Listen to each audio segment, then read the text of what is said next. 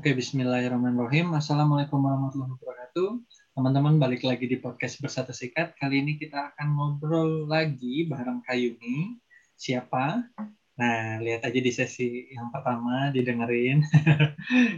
uh, kurang lebih Kayuni ini sangat inspiratif.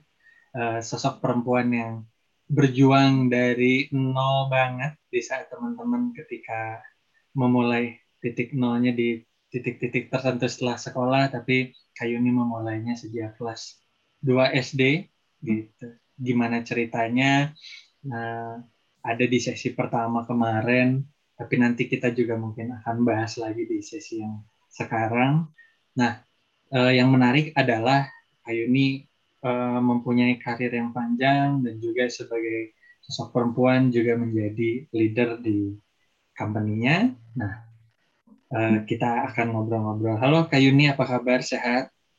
Hai Puji, Alhamdulillah sehat. Kita bertemu lagi. Hai juga teman-teman yang lagi dengerin. Jadi mungkin yang sudah dengerin sesi satu, ya bisa didengerin nanti setelah selesai dengerin ini ya Puji ya.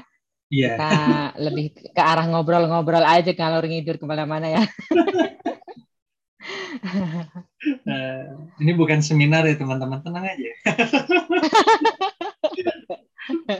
Aduh, kayu nih, boleh dong di ya. apa namanya hmm. uh, diceritain sedikit tentang uh, kalau berproses di perusahaannya tuh gimana waktu itu. Jadi mungkin kan sempat di sesi pertama juga uh, cerita ya. karir di hmm. salah satu perusahaan, kemudian di perusahaan sekarang gitu. Nah, hmm. uh, karena kan juga backgroundnya kayak ini kan juga bukan di IT awalnya gitu kan. Nah, yes, betul sekali. Nah, gimana cara Kayuni juga uh, meyakinkan gitu ya, meyakinkan diri terutama terus meyakinkan orang sekitar bahwa uh, ilmu yang baru dicemplungin ini tuh bisa kok bisa saya handle. Oke. Okay. Ya, uh, perjalanannya sih sebenarnya perjalanan yang kayaknya nggak pernah diplanningin, diplanningin sebelumnya ya Puji ya. Karena emang pada saat itu itu adalah hal baru dimulai dengan mimpi dulu gitu ya sebenarnya. Makanya itu yang bikin saya sampai sekarang itu tidak tidak pernah give up untuk bermimpi puji. Selama mimpinya masih gratis ya kalau sekarang kan bibis aja udah bayar ya. Tapi kalau mimpi kan masih gratis tuh nggak apa mimpinya digedein aja lah itu nggak apa-apa. Jadi saya itu uh, dreamer, planner kayak gitu tapi lebih kalau kalau hasilnya itu ya udah kita ada bagian sendiri gitu Puji. Jadi ada kesempatan dijalanin aja kayak gitu-gitu. Terus bermula dari dreamer waktu itu uh, kuliah sebenarnya mulai sebenarnya mulai bekerja itu yang yang saya anggap sebagai menghasilkan uang itu justru pada saat kelas 2 SD itu puji menghasilkan uang soalnya ya.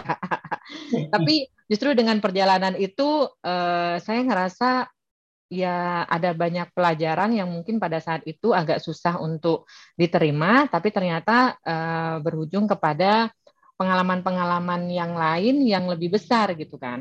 Jadi pada saat kuliah itu sebenarnya kan saya sukanya uh, melakukan ngoprek komputer gitu ya atau lebih banyak itu membantu teman-teman yang mau beli laptop gitu Puji. Jadi bayangkan pada saat itu saya belum punya laptop tapi membantu teman-teman untuk membeli laptop. Jadi kan itu hal yang yang saya sendiri belum pernah pernah membayangkan ya itu caranya seperti apa gitu. Jadi ya udah karena pada saat itu saya pun juga sering ngerjain tugas di warnet, ya saya carilah itu laptop yang speknya bagus, itu kisaran harga berapa yang kayak gitu gitu. Sedangkan pada saat itu di Indonesia kan informasinya masih belum banyak ya penjualan-penjualan online gitu kan. Jadi yang penting hmm. tahu dulu uh, speknya gitu speknya seperti apa. Terus saya itu suka jalan kalau kalau teman-teman wanita yang lain mungkin teman-teman cewek yang lain itu sukanya jalan di mall yang ada baju-baju gitu ya Puji ya. Hmm. Sedangkan hmm. kalau aku kalau kalau jalan di mall itu palingnya cuma nyoba Puji di ruang di ruang di ruang ganti habis itu cuma ngelihatin oh bagus ya ini nanti suatu saat aku akan beli gitu gitu doang Puji nggak beli. Hmm. Terus tapi aku biasanya melipir ke area-area yang elektronik. Nah itu biasanya kan uh, saya ngeliatin orang-orang yang berbelanja itu kan mereka tanya-tanya ya Puji ya. Jadi hmm. ada ini enggak, ada di seperti ini enggak, ada laptop seperti ini. Nah itu aku coba Puji. Jadi dengan melihat, kemudian menirukan gitu kan ya. Ya, ya udah ilmunya tuh dari sana. Ngobrol langsung sama si babang-babang yang jualan itu kan uh, uh, laptop kayak gitu-gitu. Udah belajar dari sana. Habis itu itu membantu teman-teman yang beli laptop. Jadi kalau misalnya ada budget sekian juta misalnya gitu ya, mau beli laptop nih. Nah, itu saya belajar memahami kebutuhan teman-teman tuh seperti apa. Jadi kalau spek laptop kan banyak yang canggih, tapi belum tentu kan orangnya punya uang dan sesuai dengan kebutuhannya kan Puji. Terutama kalau cewek sama cowok ya itu kebutuhan mereka tuh berbeda. Kalau cowok kebanyakan membutuhkan speed, tapi eh, apa namanya? Kalau tampilan tuh nggak seberapa bagus nggak apa-apa, yang penting cepat gitu. Tapi kalau cewek itu tampilan tuh penting banget gitu. Kalaupun pada saat eh, akses laptopnya itu mungkin agak lemot gitu, mereka mau bersabar gitu. Ibaratnya kalau cewek itu mereka nggak apa-apa bersakit-sakit pakai high heel itu tapi yang penting kelihatan kece gitu kan tapi kalau cowok cowok itu kebanyakan yang eh, pakaiannya tuh simple tapi nyaman gitu ya dan dan justru di situ biasanya mahal karena bahannya itu bagus gitu kan puji baju-baju cowok kan rata-rata begitu ya. Modelnya begitu-begitu aja tapi kok yang mahal juga gitu kan karena bahannya tuh yang bikin nyaman gitu jadi masing-masing orang tuh beda dari sana aku tuh memahami kebutuhan orang tuh beda-beda, budgetnya pun juga beda. Nah, aku belajar seperti itu sejak kuliah. Nah, pada saat kerja, itu kerja pertama kan di Astra Group, itu sebagai konsultan IT di mana eh, ibaratnya itu lebih skala lebih besar dari apa yang aku lakukan ketika kuliah, Puji. Hmm. Jadi kalau ketika di pekerjaan pertamaku ini justru malah meng, semacam interview atau assessment kepada perusahaan untuk mereka itu punya sistem seperti apa, punya IT seperti apa. Karena aku kan bukan IT engineer murni ya, tapi lebih ke arah konsultan. Tapi dimulai dengan uh, menjadi orang yang menginstall dulu gitu, yang tapi membantu customernya. Setelah diinstal, habis itu customernya diajarin, habis itu kita tinggalin gitu loh Puji. Jadi implementator. Tapi ketika pada saat mau mau ngelakuinnya, itu kan pasti kita harus tahu dulu speknya, ini fungsinya untuk apa aja kayak gitu. Jadi eh, jadi lebih ke arah minor jadi engineer, kemudian selanjutnya itu jadi trainer juga, kemudian selanjutnya pun juga jadi uh, konsultan ketika itu uh, ada bermasalah. Karena di masing-masing perusahaan kan pasti punya tim IT sendiri kita ibaratnya level 2-nya lah kayak gitu Puji. Kalau ada masalah, kemudian kalau ada enhancement misalnya atau perubahan mereka butuh saya mau butuh implementasi yang baru nih, tolong lihatkan yang sekarang seperti apa yang kayak gitu-gitu. Jadinya kita datang untuk memahami kebutuhan mereka seperti apa. Jadi sama seperti seperti yang gue lakuin di kuliah Puji, tapi skalanya hmm. lebih besar. Ini untuk perusahaan dengan uang yang lebih banyak. Jadinya kan aku ngerasa, oh my god, ini ini hobi yang yang dibayar gitu kan happy banget ya Budi. Dulu tuh pada saat kuliah itu hanya sekedar hobi, terus habis itu e, dapat kerjaan di mana hobiku itu dibuat lebih besar, skalanya lebih besar dan dibayar gitu. Dan belajar, belajar pun juga dibayar gitu kan. Nah mulai dari sana, oh ternyata menarik ya di dunia konsultan itu gitu kan. Nah, skill konsultannya sendiri mendeng, lebih banyak mendengarkan uh, requirement dari sisi customernya itu itu pun juga kalau aku sambung-sambungin sendiri ya Puji ya. Itu nyambung dengan aku ngelesi ketika kuliah Puji. Kalau kalau ngeles anak SD, SMP, SMA kan lebih banyak dengerin ya. Mereka kan nggak mau itu kayak di guru yang terlalu ketat itu kan nggak mau.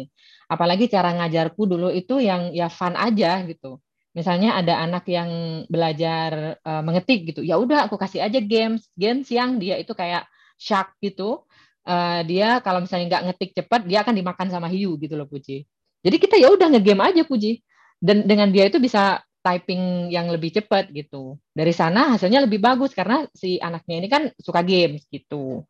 Terus kalau belajar belajar itu terutama kalau fisika sama biologi ya aku tuh kalau baca teksnya gitu anak-anak yang aku lesin itu kan biasanya tidur ya mereka yang ngantuk gitu kan. Kalau udah mulai mulai menguap itu wah ini tanda-tanda tidak bagus nih.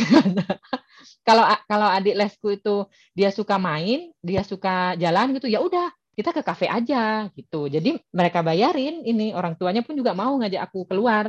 Bisa di kafe gitu puji ngajarin anaknya gitu. Nggak selalu di rumah. Hmm. jadi lebih ke arah menyesuaikan kebutuhan si anak seperti apa kalau anaknya itu suka eksperimen gitu, kayak misalnya kecoa kalau yang kecil sama yang besar, kira-kira kalau kedinginan mereka tuh lebih mati yang mana gitu. Jadi anaknya itu ya udah langsung aja cari aja gitu kalau misalnya ada kecoa atau apa kayak gitu. Jadi sering bikin mamanya itu kadang-kadang kaget dengan eksperimen yang dilakukan anak-anaknya gitu ya. Hasil dari aku yang ngajarin gitu. Ada juga yang suhu pipis itu berapa gitu. Jadinya kan pipisnya tuh ditampung, habis itu diambilin termometer kayak gitu. Itu orang tuanya itu kayak ada cerita-cerita lucu tapi karena nilai anaknya itu tinggi jadinya mereka happy. Itulah kenapa aku bisa dibayar lebih tinggi dibandingkan uh, guru les yang lain gitu pada saat kuliah. Nah skill seperti itu itu kepakai banget pada saat kerja puji. Jadi mendengarkan customer habis itu dengan solusi-solusi yang agak absurd atau agak agak beda gitu kan. Jadi karena kan aku kalau misalnya di IT uh, cewek pula gitu ya, yang di Indonesia pula gitu kan. Secara gender itu sangat dilihat soalnya Puji. Jadi nggak heran kalau pertama kali meeting sama customer, kadang-kadang aku di underestimate gitu Puji. Karena hmm. ini cewek ngerjain technical, IT pula. Jadi gender itu di Indonesia itu sangat sangat ini ya sangat diperhatikan gitu kan. Kalau IT itu ya cowok, ini pekerjaan cowok gitu buat mereka. Jadi itu aku aku harus punya effort yang lumayan lebih tinggi dibandingkan teman-teman yang cowok untuk membuat mereka percaya bahwa konsultannya itu mampu membantu mereka gitu Puji. Karena mereka yang punya duit kan, wajar sekali kan. Hmm. jadi dari sana itu justru bikin gue itu jadi challenge gitu. Kalau misalnya secara teknikal, gue nggak bisa bersaing sama teman-teman gue yang cowok gitu, maka gue harus melakukan perbedaan. Jadi kalau kalau di sisi cewek itu kan ada banyak kelebihan-kelebihan yang bisa diasah dan bisa menjadi banyak bisnis ya, Puji ya. Kayak misalnya hmm. bisnis-bisnis sekarang itu justru malah itu di bidangnya cewek loh. Restoran itu kan sebenarnya bidangnya cewek, Puji. Tapi yang pengelola restoran banyak yang cowok kan. Terus laundry, laundry itu kan juga kerjaan cewek ketika di rumah. Tapi pada saat jadi bisnis itu kan jadi gede, banyak cowoknya juga yang handle kan. Jadi hmm. menurut gua kalau di IT itu yang tadinya dihandle sama cowok, ya nggak masalah juga dong kalau misalnya cewek yang pegang gitu. Dibilangnya, tapi kan ini angkat-angkat server gitu terus di kepala gue itu ngerasanya lu pikir ngangkat jemuran itu nggak berat juga gitu jadi buat gue itu no we are the same at for opportunities gitu loh Puji. Jadi kita itu punya kesempatan yang sama, tinggal kita mau ambil atau tidak tergantung dari sisi kitanya sendiri gitu. Jadi kalau dari sisi gue itu menjadi challenge tersendiri bahwa kesempatan itu ya sama aja buat cewek atau cowok itu sama aja gitu kan. Terus gue kan uh, research ya. Research research itu ternyata ada banyak hal yang di ditemukan oleh cewek gitu, terutama di sisi IT ya. Jadi gue akhirnya menemukan Puji bahwa programmer pertama itu cewek loh gitu.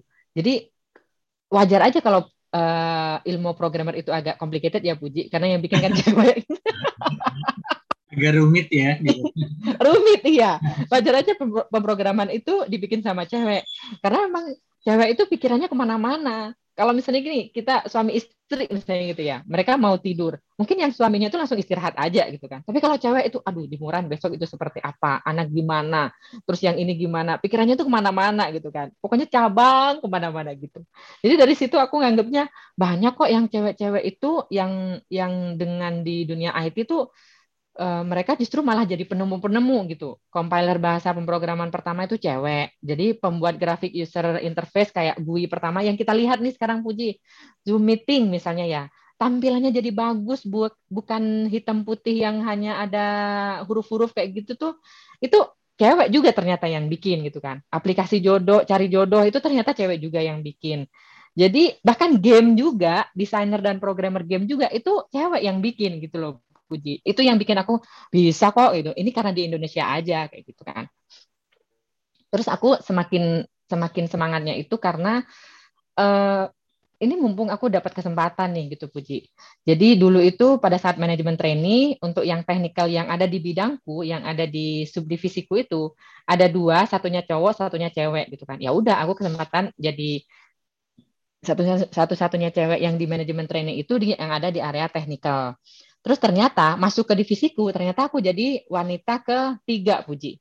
Yang wanita pertama itu dia sudah pindah ke London, yang kedua itu dia itu masih ada di area support, dan aku tuh adalah wanita selanjutnya itu di antara beberapa orang, belasan orang Puji di situ, yang spesifik di situ ya, di subdivision itu.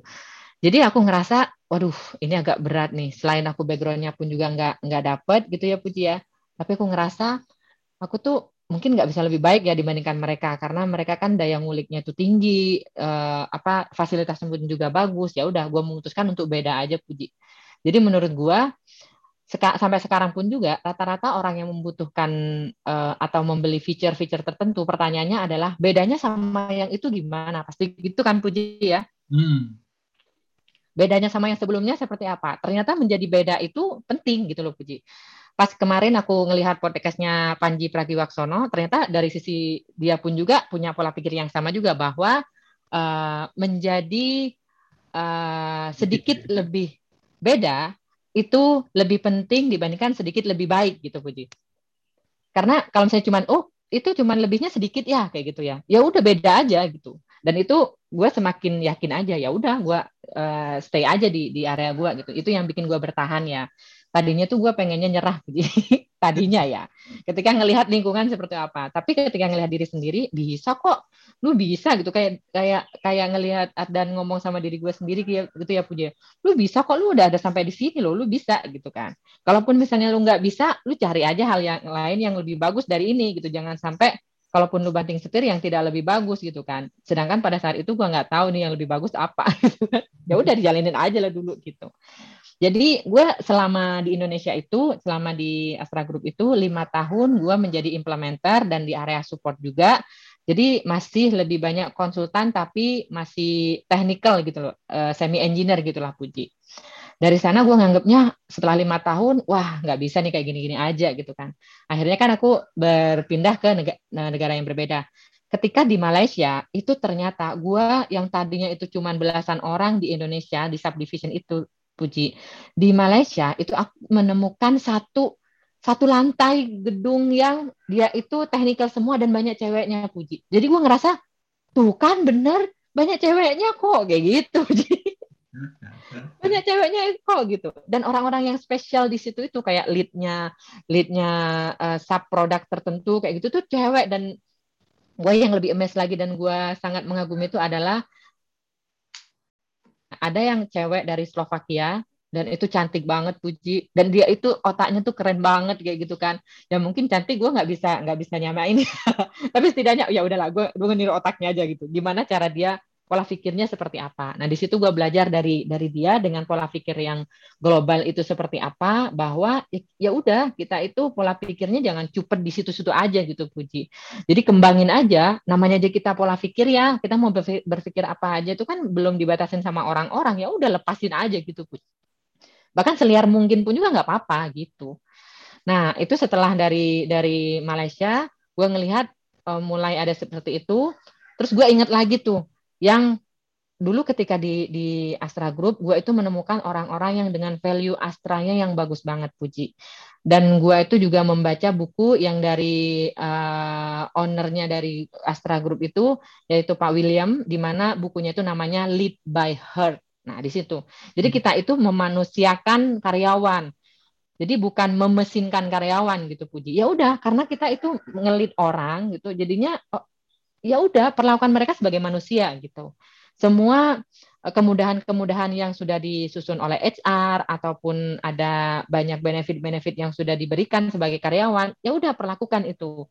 Kayak misalnya cuti kita nggak boleh mengkorupsi cuti mereka, nggak boleh cuti atau seperti apa, ya udah berikan haknya mereka gitu Puji. Nah itu yang gue selalu ingat ya. Dan lead Astra yang gue kenal itu pada saat di company Astra itu mereka itu tidak ada batasan puji. Bahkan gue pun juga bisa kayak vacation bareng rame-rame gitu dengan uh, level level C. Jadi kayak chiefnya apa chiefnya apa gitu puji. Dan mereka tuh ngeblend. Bahkan gue juga bisa jalan bareng uh, vacation bareng kan gue dulu waktu di Astra itu target gue adalah setiap tahun ke negara yang baru ya Puji ya. Dan itu jalan-jalannya sama mereka, sama orang-orang keren itu yang yang secara tidak langsung mengkatrol gue sendiri juga buat ikutan keren gitu Puji. Dan itu gue sukanya, oh lead itu seperti itu ya, bos itu seperti itu ya gitu. Karena kita kan sering dapat kayak stigma bos itu seperti apa, lead itu seperti apa ya gitu. Terus habis itu setelah dari sana ke Malaysia ketemu contoh lead baru, habis itu ke Wilmar. Nah di Wilmar itu gue kan sendirian ya Pudi ya awalnya ya di sisi teknikal. Balik lagi di posisi yang uh, ketika di Astra dulu. hmm. Di Wilmar gue sendirian di situ menjadi uh, direct reportnya itu ke Wilmar. Habis itu gue dikasih kesempatan untuk building a team. Jadi di situ mulailah satu orang, dua orang. Kita bertiga dulu awalnya, uh, gue cewek sendiri tetap, kemudian dua itu cowok. Nah, kita itu masih belum menentukan siapa ini jadi leadnya gitu. Nah, dari mereka berdua itu kan tipenya beda-beda gitu ya. Ada yang satunya itu dia itu uh, secara teknologi, secara ngulik itu tinggi banget kayak gitu. Dan dan dia itu uh, bisa menghadapi customer. Yang satunya lagi itu kurang lebih sama dengan yang dua ini. Jadi rata-rata cowok kalau di dunia IT kan memang kurang lebih sama tipenya ya Puji ya. Jadi ngulik banget kayak gitu. Terus gue sendiri yang udah ngerasa enam tahun lebih di dunia IT, gue kok kayaknya udah udah capek ya untuk bersaing dengan mereka-mereka. Apalagi ngeliat mereka berdua ya, mereka itu canggih banget puji. Kayaknya gue nggak bisa se -se sekece mereka deh gue itu puji. Kalau teknikal ya.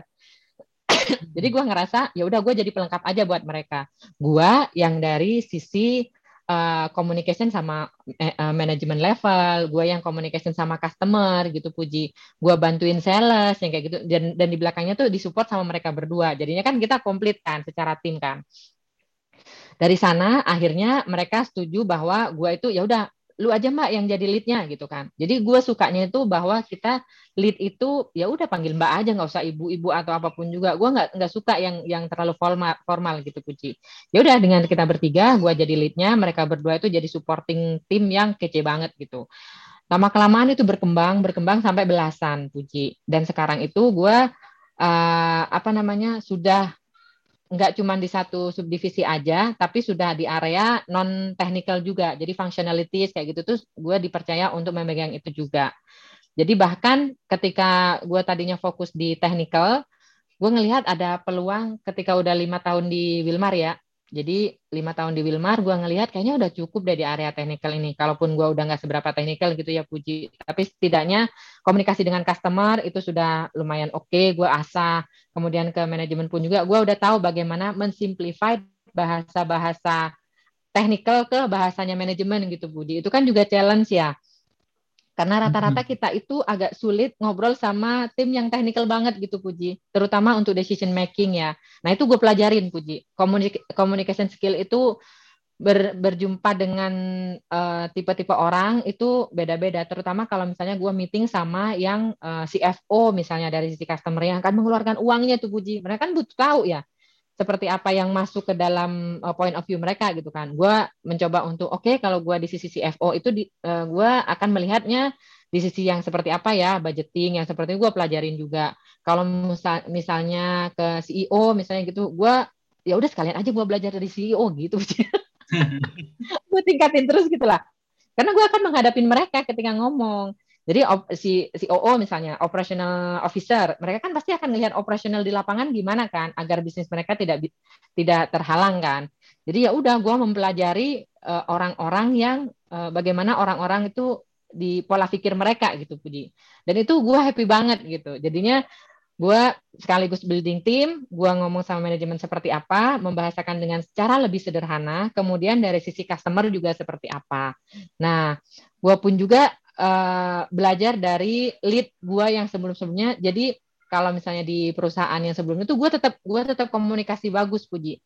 Karena tujuannya itu untuk tetap belajar. Terutama untuk lead yang atau bos yang sebelumnya tuh gue nganggap mereka itu ya udah kalau pas kita di luar kantor kita main aja gitu. Nggak nggak ada yang bos-bos kayak gitu kayak gitu kan.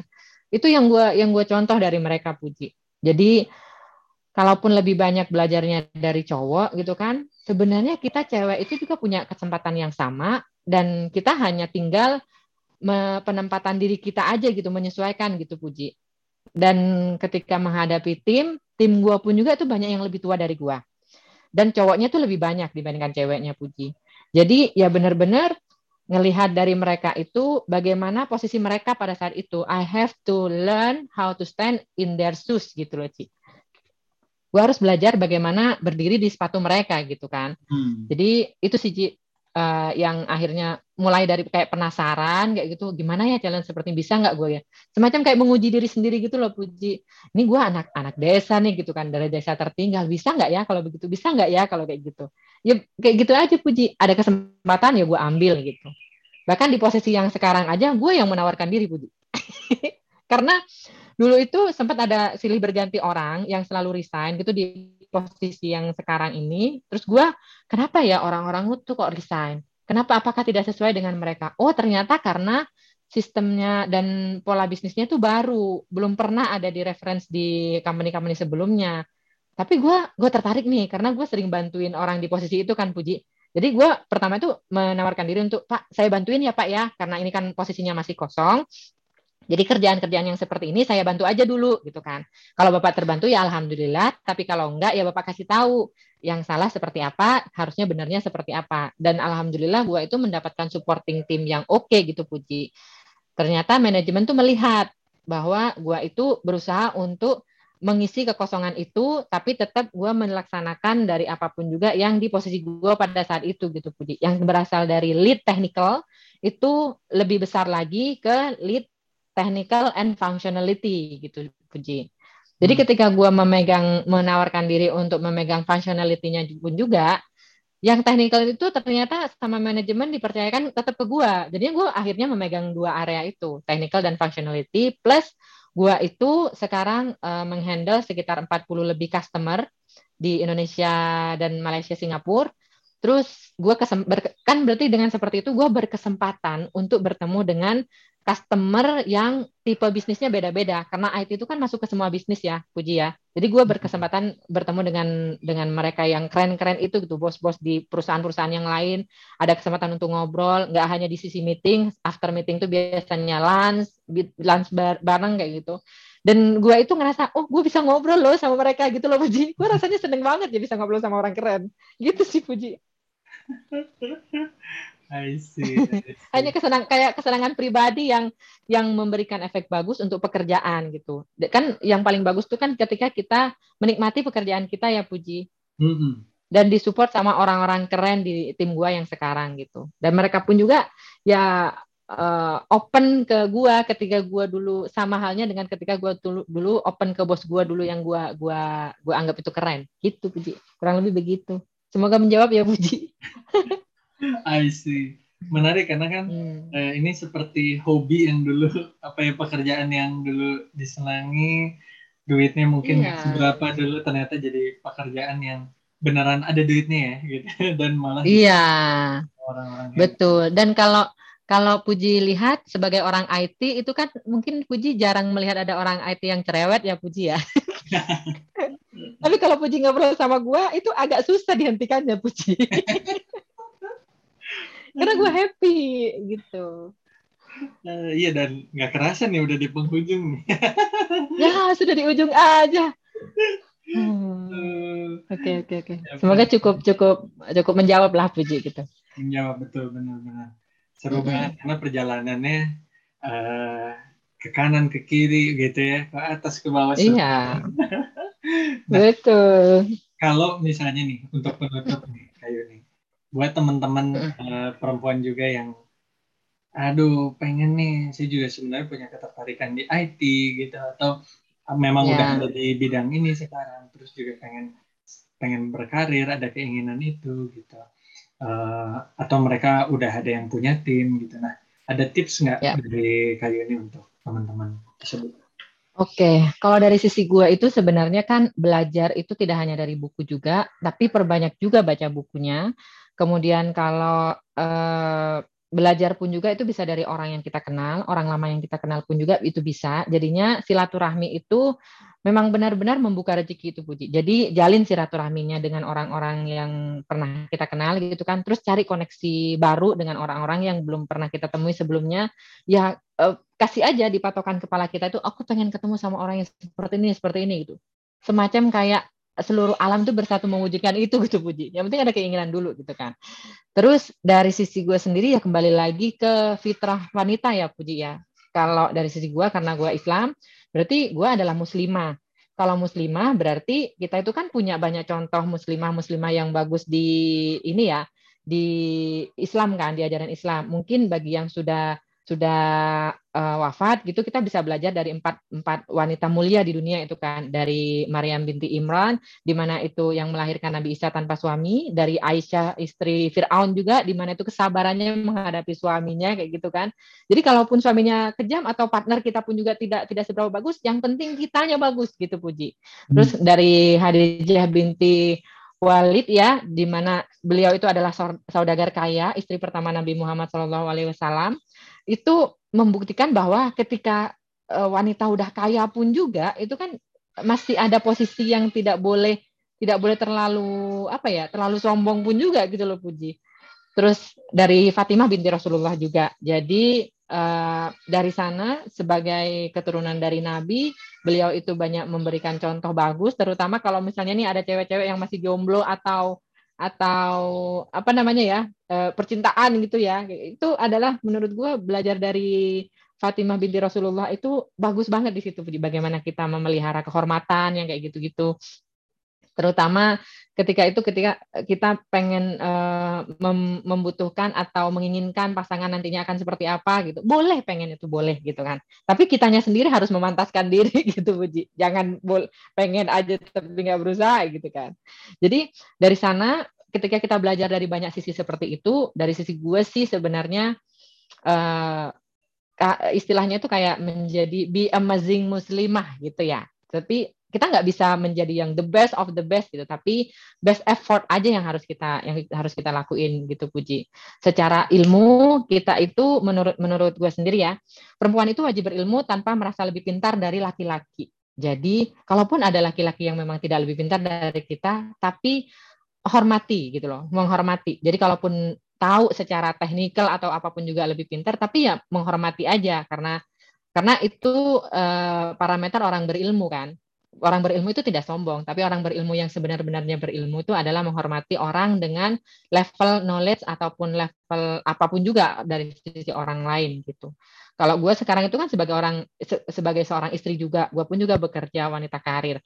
Tapi buat gue istri itu boleh bekerja karena mungkin ada banyak uh, teman-teman yang sebagai istri yang nggak mau bekerja di luar itu nggak apa-apa itu adalah keputusan sendiri. Tapi pastikan secara secara kewanitaannya itu pun juga bisa dilakukan secara sempurna, secara effort sempurna gitu loh Puji. Nah, jadi kalau misalnya jadi istri bekerja, itu tidak boleh surut perhatiannya dan kasih sayangnya kepada suami sama anak. Harus ingat lagi bahwa di rumah itu ada suami dan anak yang harus kita jaga dan uh, ya tugas kita sebagai istri karena wanita itu kan secara fitrah itu kan pun juga tapi fitrah tapi tidak menjadi kesempatan semua orang ya Pudi ya. Karena juga mungkin banyak orang yang uh, sampai sekarang pun juga uh, belum menikah misalnya kayak gitu. Jangan salah gitu kan.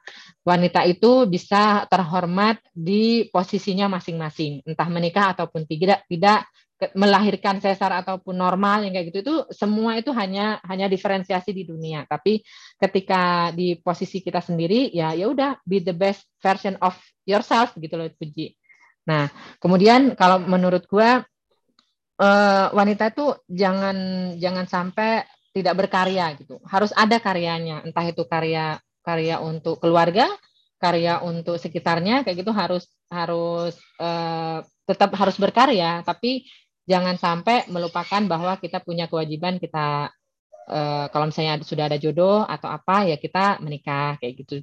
Harus diniatkan dan minta jalannya sama Allah. Tapi melihat teman-teman juga banyak yang belum menikah bahkan di usia gua atau lebih dari gua pun juga ya udah Allah tuh punya jalannya sendiri gitu. Jangan pernah jangan pernah menyerah. Karena uh, status kita nantinya di mata Allah itu bukan masalah menikah atau tidak menikah tapi lebih ke arah status kita sendiri sebagai pribadi kita itu seperti apa gitu.